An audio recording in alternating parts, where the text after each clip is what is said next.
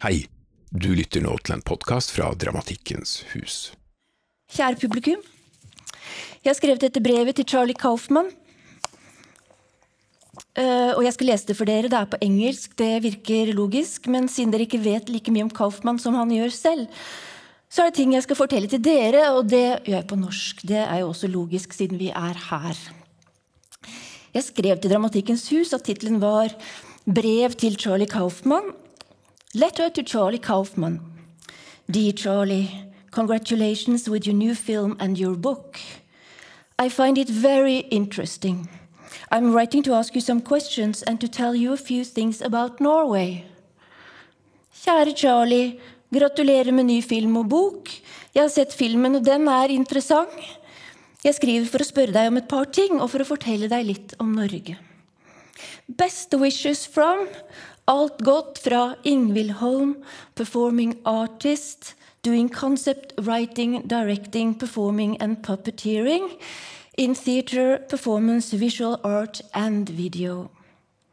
Men det passa ikke inn i programmalen, og derfor står det at jeg skal snakke om, og ikke til. Og da høres det sikkert ut som jeg er ekspert på Kauf, men det, men, men det er jeg ikke. Brevet er skrevet, skrevet litt sånn i en flow Det blir lite ekspertise og analyse, men mye undertekst og assosiasjoner og jeg kommer til å liksom fortelle handlingen. Og så stiller Charlie noen spørsmål, og det blir sikkert en del feil. Nå begynner brevet. Dear Dear Charlie.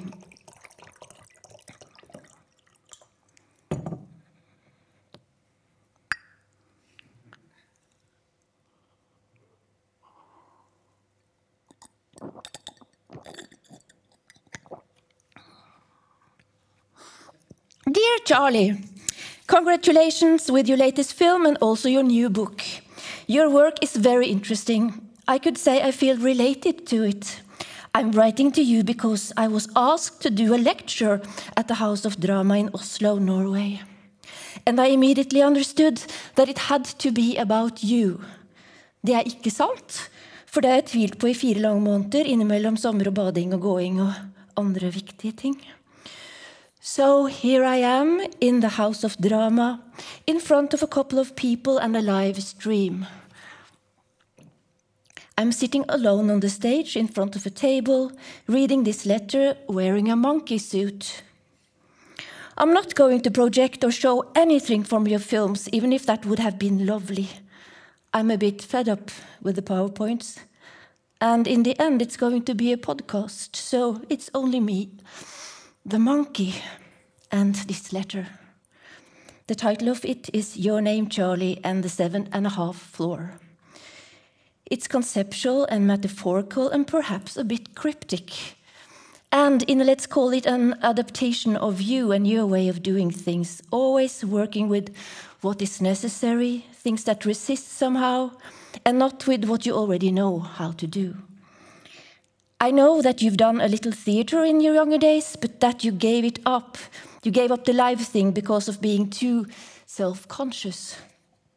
It's, of course, a big difference between making a film or writing a book or exhibiting an artwork as a picture or a sculpture.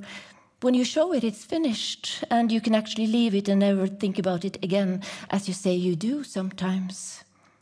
You say you struggle so much making it that when it's finished, you don't feel good, just less bad. In theater, we normally, or for economic reasons, want to perform it again and again and again. But do you think it's only the first time it can be art for real and that the rest is a conservation process, making it a product? Unless you invent traps and tricks for yourself. The market doesn't like that very much, but still. You try to do things that you don't know how to do in spaces that doesn't fit and in contexts that resists it. Surely. Like the seven and a half floor from your film being John Malkovich, which is just as it says, only half the height of a normal room.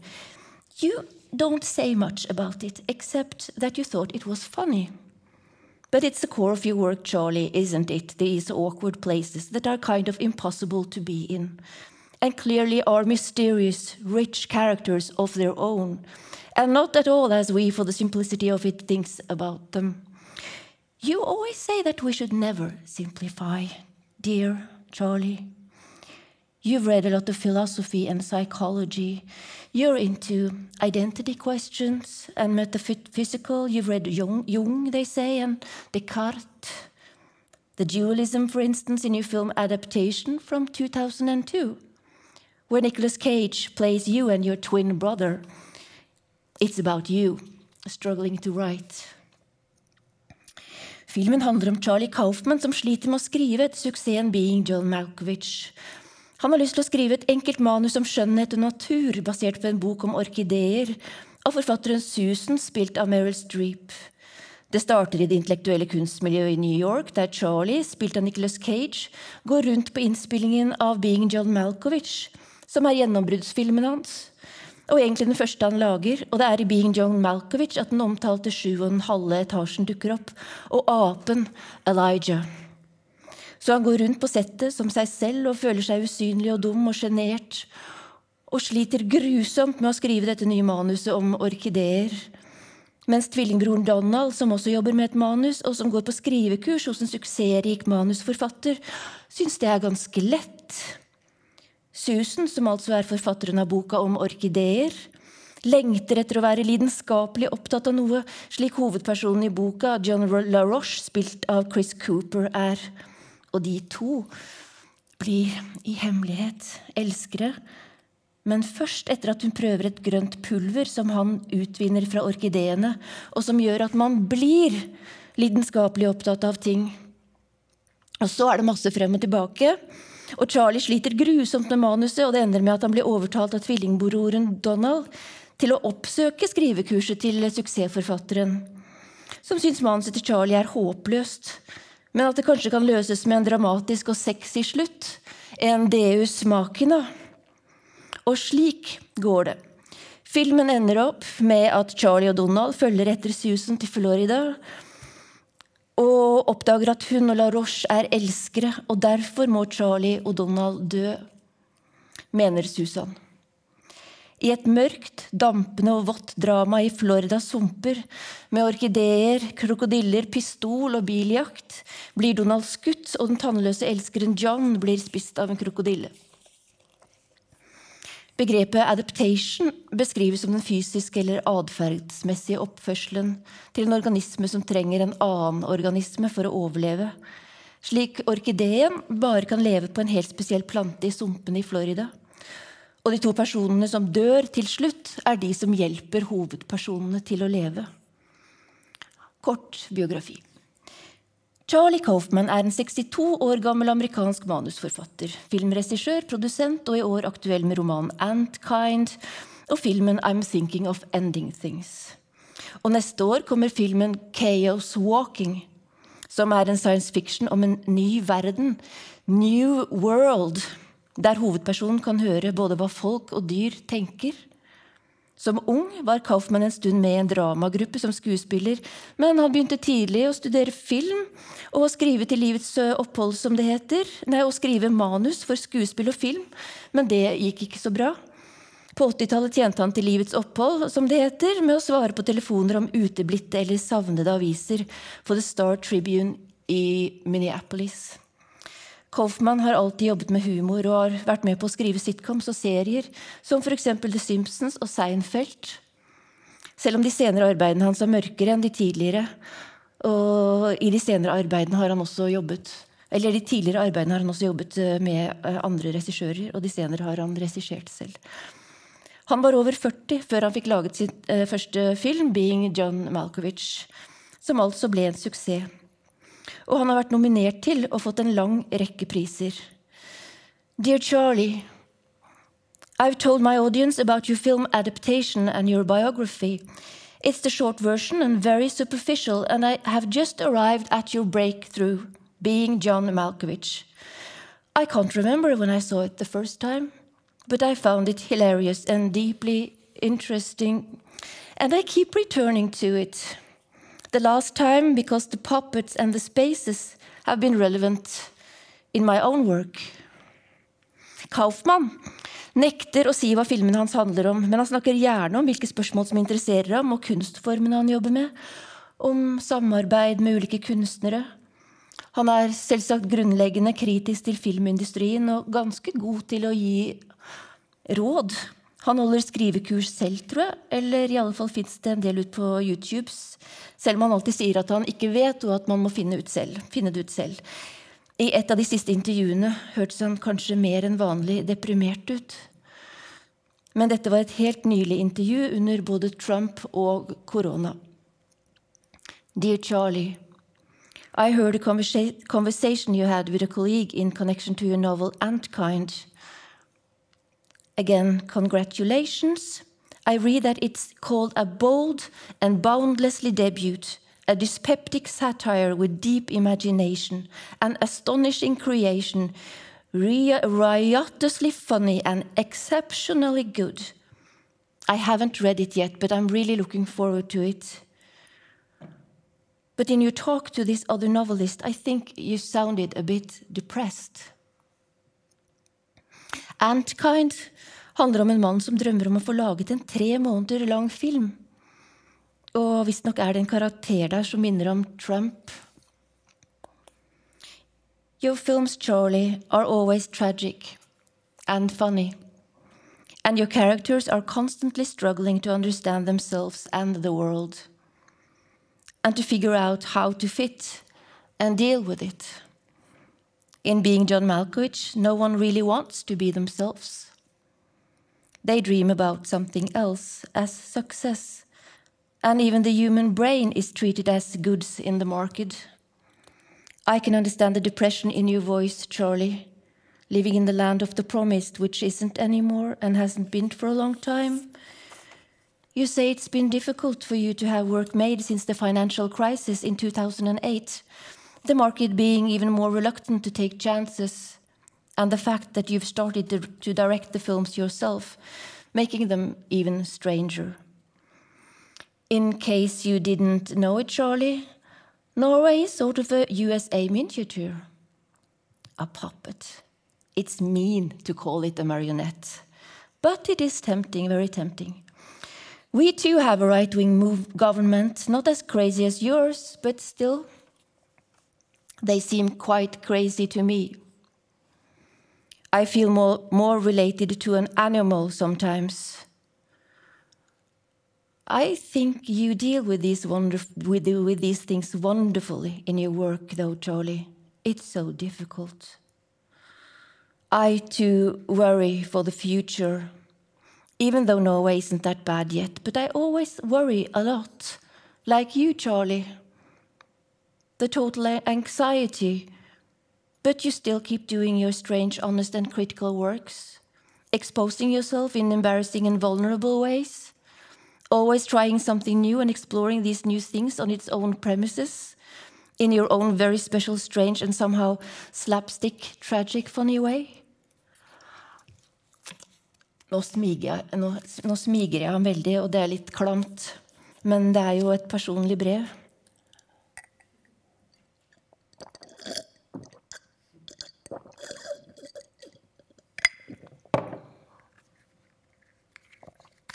Oi. Ja, det er et personlig brev og ingen kritikk eller analyse, og jeg mener det jo. Noen ganger tenker jeg at det blir litt mye identitet og litt mye mann. Men så tenker jeg at nei, dette handler om folk. Om folk overalt, egentlig. Og om verden.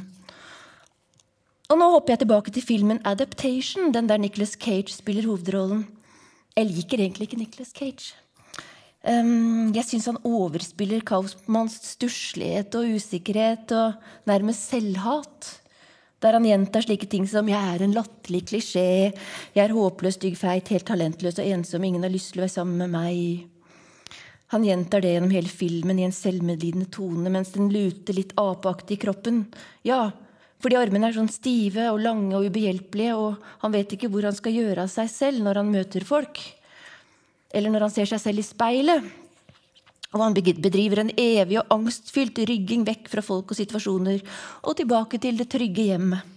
Det er denne tvillingbroren, som også er manusforfatter, og som skriver på et filmmanus, og som syns det er bare gøy, som nesten ikke tviler i det hele tatt. Han, han syns det er enkelt, og som ender med å skrive en suksess, og som altså egentlig er ham selv, som den organismen han trenger for å overleve i virkeligheten, altså i virkeligheten, i virkeligheten, i virkeligheten um, så står denne tvillingbroren Donald Kaufman kreditert som co-writer co på filmen. Selv om han altså ikke fins på ordentlig.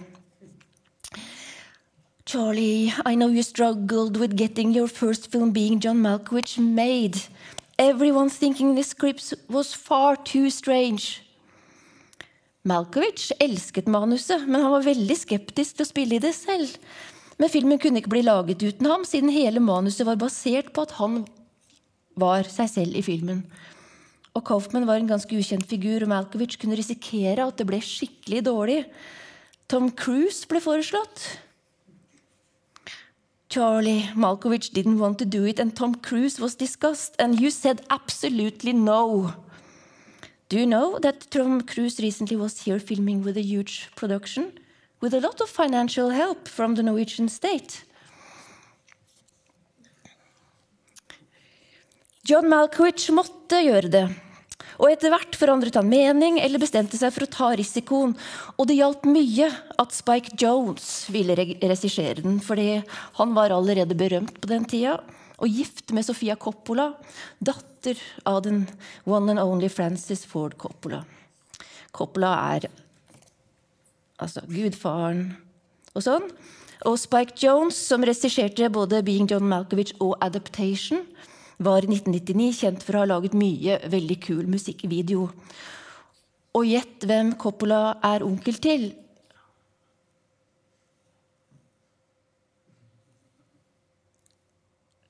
Nicholas Cage. Ja, alle kunne sikkert gjette det.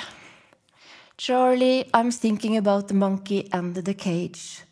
I'm already on page five, and even if I suppose that they've all seen the film, and that the long explanation I'm going to do isn't really necessary, I'll do it anyway. Så nå kommer det en lang sånn forklaring av den filmen.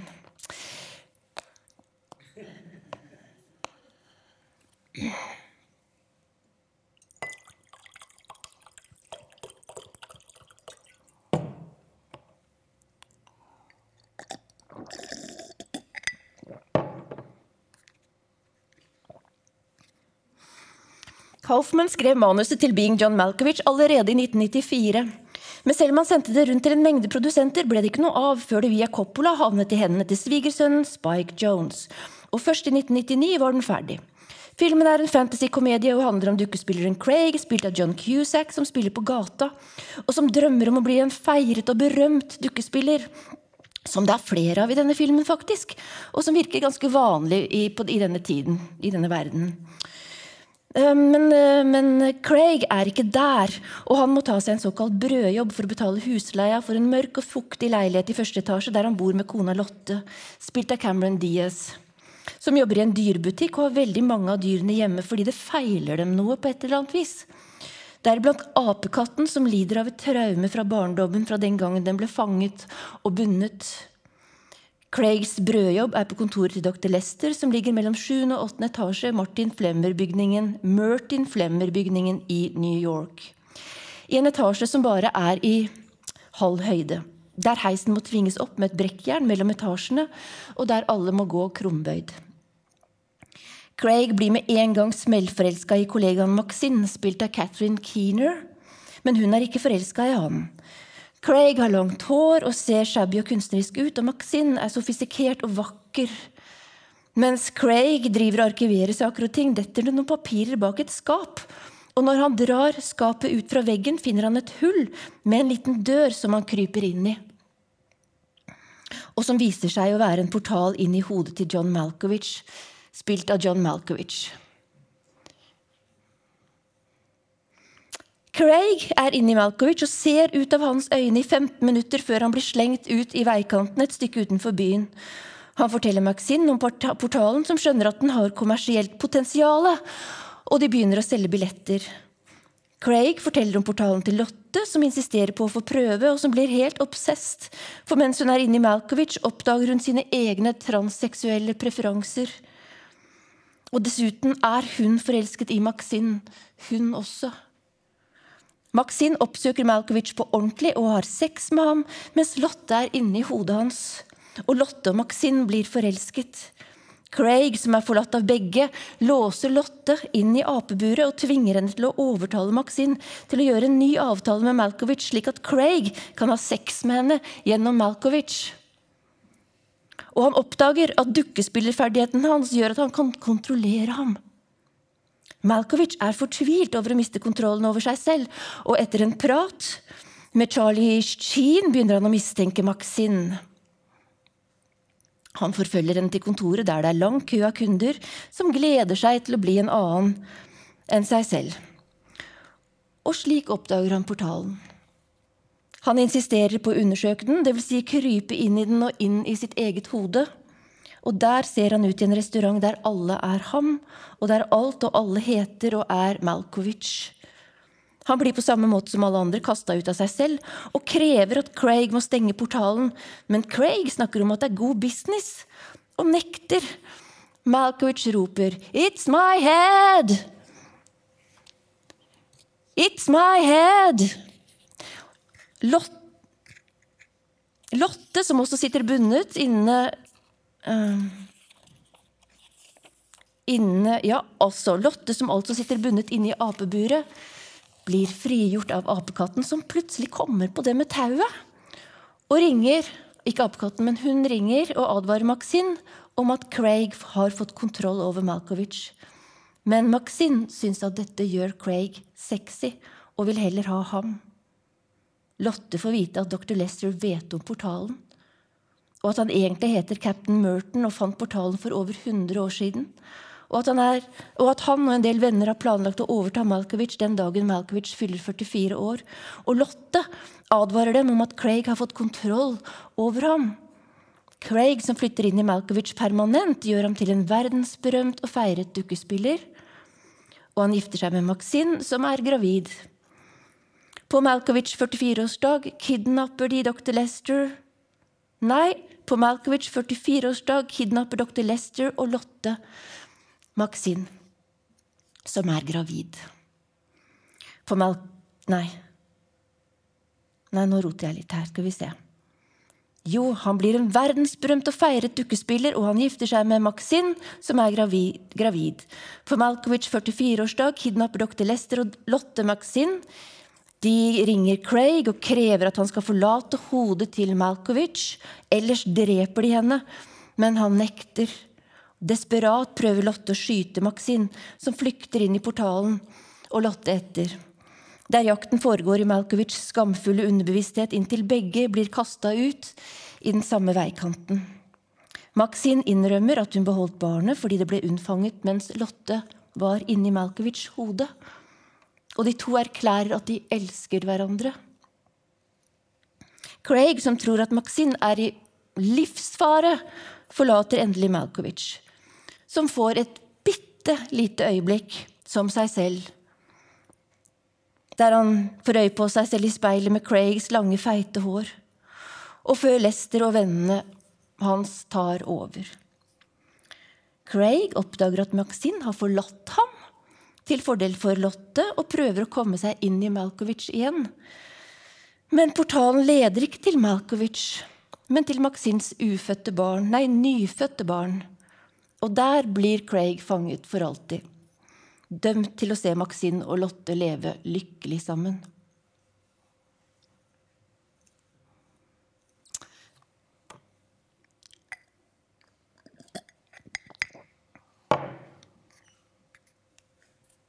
Omtrent sånn er det. Craig elsker å være dukkespiller fordi han kan være en annen, og Malkovich er skuespiller på ordentlig og lever av å representere andre. Det er banale og grunnleggende, kunstneriske og menneskelige situasjoner som foregår i surrealistiske rom og drømmeaktige, ofte helt ulogiske sekvenser, i en helt egen verden som Kaufmann får, får til å henge sammen på sin måte. Ok, Charlie. The film is one of my absolute favorites. Is it about free will? I think you or someone explained it as Craig forces his will through Malkovich's body so that Malkovich's body is no longer acting accordingly to his mind. So Craig is hindering the freedom of Malkovich, Malkovich will, discussing the freedom of will as a product of the mind. I feel I should mention Foucault and Zizek, wondering about how Foucault would have responded to the question of whether, whether there is a free will. And Zizek, realizing that Foucault would have argued that the question itself presupposes some kind of metaphysical doctrine, or at least a way of looking at the world. You say you are inspired by Samuel Beckett, Pirandello, and Ionesco, and yeah, the writers of tragicomic. There is Shakespeare in your things for sure. With John Punch and Judy. Hmm. And in the film, your and in film, your favorites are Woody Allen, Monty Python, and the Coen brothers. Oh, brother, where art thou? I like that. And David Lynch with the monkey uh, in What Did Jack Do? I'm sure you've seen that one, Charlie. And what about Lars von Trier or Michel Houellebecq, the French writer? Among the living ones, the favorites of mine. But all of them, men, unfortunately, if there are only learned or structural differences between the genders, men have been allowed to play around and explore for much longer than we have. Besides that, they've been writing the history. But this is not my theme. Ingunn Bjørnsgaard snakker fint om det foredraget om Simone de Beauvoir. I try to imagine your film is Mal Malkovich was a woman, and it's difficult, but I still feel that your films are just about people. And they are all a bit lost somehow. So, Charlie, the seven and a half floor, I've been animating space and context as protag protagonists inside specific art forms lately, a whole series of it. It's about power structures, precarity, and identity in a comical and evil, even surrealistic way. A bit like you. I've, I've already said it, but I, I identify with the seven and a half floor. Not because of bending yourself or anything like that, or it is about that as well, but it's the awkward in between position that is really intriguing. Have you noticed, Charlie, that in most new films, the homes and apartments are always good and smart looking, oozing success and money, pretending that it's normal to live like the upper classes? They want us to think that we all should live and have such big and beautiful houses, or at least wish for it. And on TV, there is almost only celebrities in all kinds of programs, and even worse where you are. And there are no programs about art anymore. The portal into Malkovich's brain is wet and dirty, Charlie. Craig and Lotte's apartment is small and ugly. The monkey cage is a cage. And the cage, the portal, Malkovich's head, and the seven and a half floor aren't just places, Charlie, but important characters in your story. Like if they are puppets too, that are animated like, like Craig's puppets. I just made a puppet film myself. Charlie, it's based on A Doll's House by Henrik Ibsen.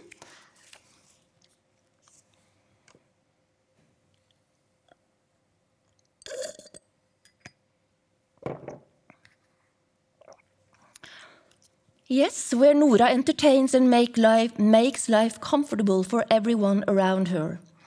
But she has fear, and desperation. She questions her identity. Identity. And there is a sex scene with her and her husband, and a masturbation scene with the house friend, Dr. Rank, who is madly in love with her. There are wooden marionettes, like Craig's, and the whole thing is filmed in, in my uh, super tiny puppet sized office disguised as a black box with my shitty mobile camera. Your film, Charlie, Anomalisa, som er en stop motion-animasjon stop motion fra 2015. It also has a sex scene. It's long and really beautifully made. My puppet film is a no bid budget, and since I've never worked with puppets before and did everything myself, it's also sometimes vulgar and ugly. The questions implied in the word marionette, marionettes, something that isn't free, but are driven by the desires of others. It's interesting, Charlie, don't you think? Taufman tviler og plages over egne absurde og klisjéaktige ideer, som han vet at han ikke kan forkaste, selv om de er skikkelig grusomt teite og upraktiske. For hvis han risikerer, hvis han ikke risikerer noe, kommer han aldri til å gjøre noe som er mer interessant enn det han allerede har gjort, eller noe andre har gjort. Han kan ikke gjøre ting enklere enn de er. Han kan ikke gjøre det han allerede kan, på den samme måten. Og han kan ikke jobbe mot resultater. Han må lage en ny verden hver eneste gang, der absolutt alt må være konsistent, uansett hvor snålt og flaut det er.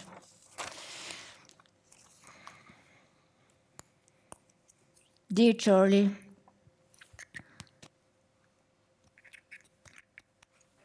When people ask you about your working method, you say that you walk a lot. With a small notebook where you write down your ideas as they come along. I like to walk too in the city, but even more in the woods. And sometimes for days with a backpack. I guess you, Charlie, mostly walk in cities. I don't think I've heard you talk about walking in the woods or the mountains, but maybe you do. Speaking of walking, have you read Werner Herzog's Of Walking in Ice from 1974? Herzog was told that his close friend and mentor Lotte Eisner, a filmmaker and a critic, was dying of cancer in Paris. And he decided to walk from where he was, which was Munich in Germany, to Paris, believing in full faith that if he did, she would stay alive. The walk started November 23rd and ended 14th of December. And Lotte Eisner lived. Herzog walked for himself while he walked for her. You walk for someone else too, Charlie, and for your art, I guess, and to survive. Dette ble litt flaut, det høres litt pompøst ut. Men for å være helt ærlig så er, er, er, jeg, først og fremst glad i å gå, særlig når det er langt og i skogen eller på fjellet, fordi jeg blir mer og mer dyrisk. Mer og mer framoverlent. Armene kommer nærmere bakken. Fingertuppene liksom kjenner landskapet foran meg, selv om jeg ikke tar på det. Og da er det helt uaktuelt å dra fram en notisbok. Dear Charlie. In this other film of yours, Human Nature, there is also a monkey. I'm going to do the plot for the audience. Nå kommer det en lang sånn grei Oi. Human Nature fra, 2000, fra 2001 handler om Lila, Laila, spilt av Patricia Arquette, som har mye hår på kroppen pga. en hormonal, hormonell ubalanse. Kroppshår er en skam, og hun bestemmer seg tidlig for å leve ute i naturen, der hun skriver naturbøker. Men etter noen år får hun en voldsom lengsel etter sex og samliv med et annet menneske, og hun treffer psykiateren Nathan, spilt av Tim Robins, som forsker på å lære bordmanerer til mus ved hjelp av støt og belønning. Laila klarer å skjule hårveksten for kjæresten sin, og bra er det, for han syns alt som er dyrisk, og særlig det faktum at bare ett eneste kromosom skiller mennesker fra sjimpansen, gjør dem spesielt ekle. En dag de er på tur i skogen, oppdager de en mann som hele tiden, hele livet, har levd som en ape. De fanger ham og låser ham inne i et bur, der psykiateren sammen med assistenten Gabrielle, spilt av Miranda Otto, som er forelsket i ham, gjør forsøk på apemannen, spilt av Rise Ivans. Ja, vårt forsøk som ligner på de som, gjort, som de gjør på musene. Nathan og Gabrielle blir elskere, siden Gabrielle er utpreget kvinnelig og snakker med en falsk fransk aksent. Og fullt ut forstår hans lengsel etter dannelse, og sammen jobber de med å lære apemannen å bli et dannet menneske. De kaller ham Puff, og han gjør fort store framskritt, både språklig og intellektuelt. De trener ham på opera, poesi, filosofi og alle de store tenkerne, og han kan snart sitere og diskutere på en strålende, en strålende, overbevisende og meget dannet måte. Det eneste de sliter med, er å avvenne ham kjønnsdriften og det at han kaster seg over de fleste kvinner og jokker voldsomt på dem. Som et dyr. Nathan oppdager Lailas hårvekst, men han er likevel ikke i stand til å avslutte forholdet med henne, og etter hvert vil ikke assistenten være elskerinne lenger.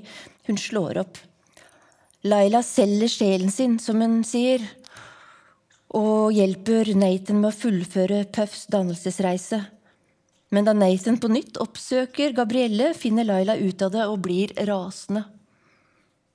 Hun låser Nathan og Gabrielle inne i Puffs bur og tar med seg Puff ut i naturen for å leve som dyr igjen. De kler seg nakne og slutter å snakke. De sier bare ho, ho, ho, ho, ho. Nathan leter etter dem med en pistol, men da han finner dem, blir han selv skutt av Puff. Og jeg har glemt å si at hele at hele filmen er et retrospektiv fra rettssalen, der Puff forteller, siden Laila har tatt på seg skylden for drapet, for at apemannen Puff skal kunne vende tilbake til naturen igjen. Filmen slutter med at Puff blir fulgt ut i skogen av en stor menneskemengde, mens han kaster plagg, plagg etter plagg, og til slutt forsvinner i et buskas. Kameraet hviler en stund på buskaset, så kommer det en bil, og vi ser Puff komme ut av buskene igjen. Og mens han skjuler lemmet sitt, setter han, skjuler lemmet sitt, setter han seg inn i bilen, får på seg noen klær, og vi ser at sjåføren er Gabrielle, som fortsatt har fransk aksent, og som kjæler med ham. Og så kjører de av gårde for å kjøpe noe mat. På McDonald's, kanskje. Dear Charlie, it's again the cage and the monkey, and the French accent, and the human hair, and love, and the lust lurking under it all, and the human pragmatism, and the brutalism, and stupidity, and insecurity, and of course, the arts. All of it in this completely stupid, funny frame, in this style that you're so celebrated for. Where I am now, at the House of Drama, they work with text for theatre mostly. But in these lectures, people talk about all sort of things, since theatre is and can't be everything. And because of the podcasts, we listen to the others. And sometimes we refer to each other. As I'll refer to the Icelandic director Torleifur Örn Arnason, who talked about the complexity of the modern clown since I used to arrange lectures on art and politics dressed as a fool. And Örn Arnarsson's lecture reminded us how the fool used to be a person who opposed to the power, who were in a relation to power where she could be honestly and playfully critical to power. Now, in our times, Örn Arnarsson say, the fools are the power. And they are performing this power with our performative tools, which makes it difficult to be an artist and a bit depressing, as I mentioned that I could hear in your voice when you were talking to your colleague that I wrote about before on your book Antkind, which I haven't read yet, but are really looking forward to. Örna Arnarsson also talks about the monkey and our un unfortunate close relation to nature as we saw it when Darwin came along and destroyed our godlike superiority, leaving us with being two brainy animals.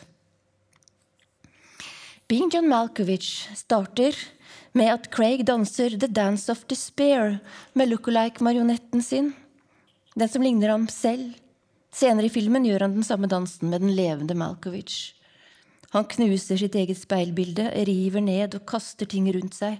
Kaster seg selv rundt, vilt, desperat, utmattende, og ender på gulvet, sittende med overkroppen lent framover mot knærne og ansiktet mot gulvet, mens han ser tomt og fortvilt inn i seg selv.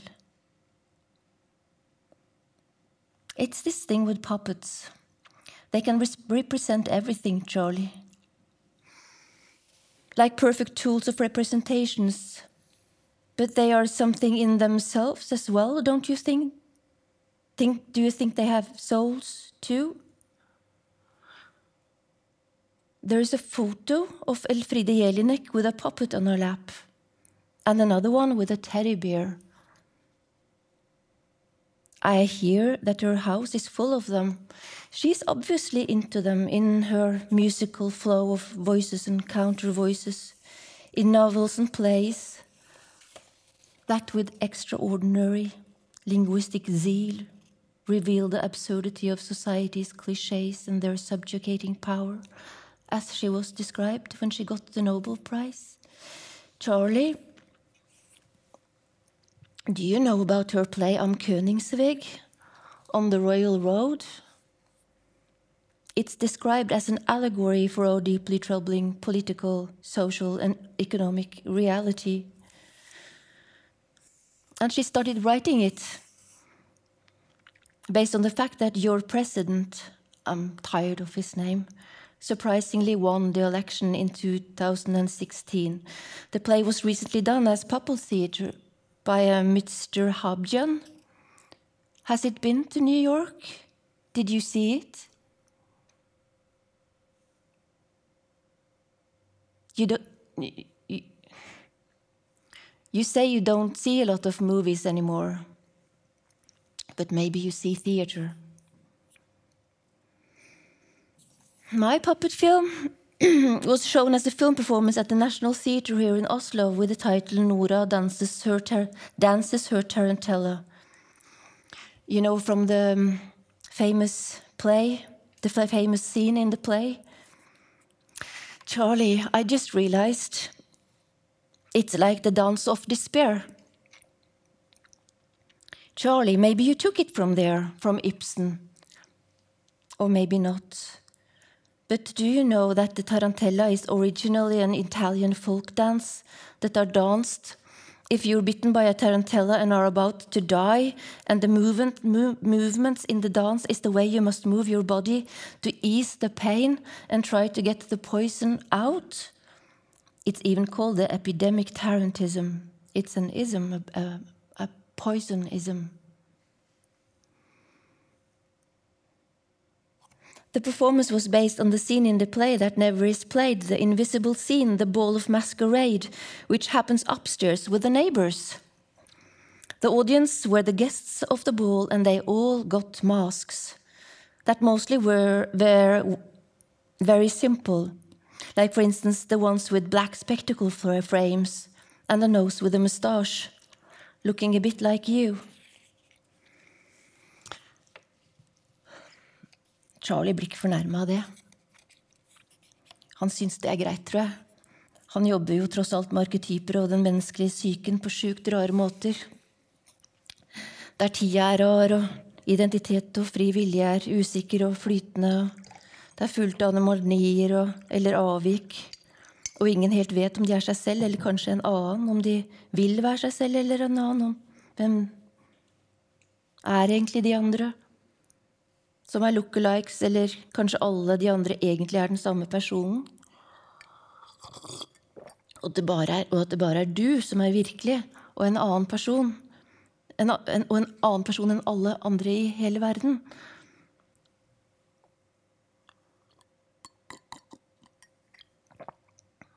In your puppet film Anomalisa, Charlie, You are dealing with the Frigoli delusion, which is a paranoid illness which makes you believe that you are alone in the world and that everyone else is the same person following you. Der alle andre bare forandrer utseende eller er i forkledning, der den paranoide føler seg konstant forfulgt av denne personen. Anomalisa fra 2015 handler om en feiret foredragsholder som er i en fremmed by for å holde et foredrag. Han tror at forskjellige personer i virkeligheten er den samme personen, som bruker teknikker og forkledninger for å forfølge ham, til og med kona og sønnen. Han føler seg fremmed for alle, siden alle utenom ham selv ser ut som den samme personen og har den samme stemmen. Det er en lang sexscene med en kvinne som han først oppfatter som en unik person med en egen stemme, men som etterpå gradvis mister dette unike og blir den samme personen som alle de andre. Han har et mareritt der ansiktet hans går i stykker, og alle de identiske menneskene i verden sier at de elsker ham. Og når han skal holde foredraget sitt, får han et sammenbrudd og roper at den amerikanske staten fremmedgjør publikum. Dear Charlie, my letter is getting very long. I must try to write shorter. But I need to tell you about this Norwegian puppet series. Uh, the repairmen are coming with the characters Pumpel and Pilt.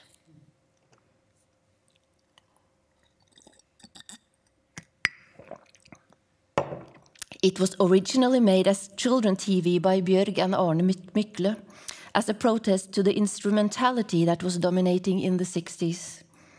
It's about these two repairmen who never seem to get anything right. It's funny and surrealistic, but scary too. And after a few years, Norwegian TV didn't show it again because of complaints from the parents. There are five episodes. In the first, they try to repair a series of dominoes and destroy a knitted curtain when pulling its loose thread. In the second one, they feed a baby far too much food and lose all the plates in the floor with a huge bang. In the third, they tear down a wall, and they shouldn't have. In the fourth, they try to organize boxes on top of each other, but they keep falling. In the fifth, the other figure, the caretaker Gorgon, tries to chase them away, but they keep coming back because they need to destroy a machine. It's simple and surrealistic with beautiful sound and almost without language, except things like it's better with two repairmen than none, or loose threads are long, and so on. Pumpel is the eldest one, but not the smartest, and Pilt is unexperienced. When the repairman asks the caretaker Gorgon what needs to be repaired, Gorgon falls into some sort of a trance and can only repeat things that rhymes on repair. Hair, chair, near, where. Then there are what is called migrants, who look like bicycle pumps with eyes, who make these whistling sounds. And then there is a figure called Moffedille that looks like a walking pile of glass, of grass, and eats keys and has communication problems. And can only say, ooh, ooh. Nei. Ooh, ooh. ooh. Charlie, are you familiar with this new trendy philosophy, object oriented ontology, shortly called OOO? It's a Heidegger influenced school represented by Graham Harman and Timothy Morton, and suggests that everything, including people, are objects, and that all objects are equal, and that they are more than instrumental tools than to human beings who are objects too. To see it like this could be an ecological way of being in the world, Charlie, where we aren't superior, but still animals together with everything else in nature. Ooh.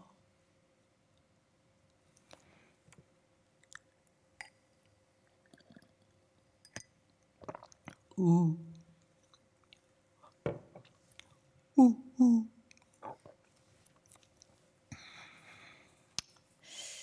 It sounds romantic somehow. I know. I can't see how it can repair things on its, its own. Zizek claim we need to create a new form of Marxism. What do you think, Charlie? It won't likely begin in your country. But then it is strange times. I'm thinking about Mary Shelley and her puppet Frankenstein, how she breathes life into the dead creature with all its different parts. It's kind of post everything. Your latest film, Charlie, has a touch of horror. Den heter I'm Thinking of Ending Things og er ganske abstrakt og ubegripelig, med oppløst tid og minner, en slags labyrint eller et puslespill der Det er kloremerker på kjellerdøra. Speaking of horror, Charlie, I hope your presidential election goes well. If that's even possible to say. And that it doesn't end in a war. I hope you are coping well in all this. I really do, Charlie. I'm going to end this now and leave. It's raining heavily outside and the winter is coming. The weather was beautiful the whole last week, and I've been too much inside struggling with this letter that I pretended came in a flow, which was another lie. I'm going to leave now, find a mailbox. So I'm folding the letter and putting it into the envelope, and I'm taking my clothes on. Now I'm leaving. You can maybe write to me or even call. Goodbye. Bye. Love and best regards. Ingvild.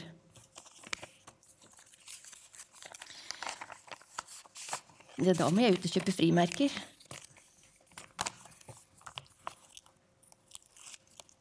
Sånn, nå er det ferdig.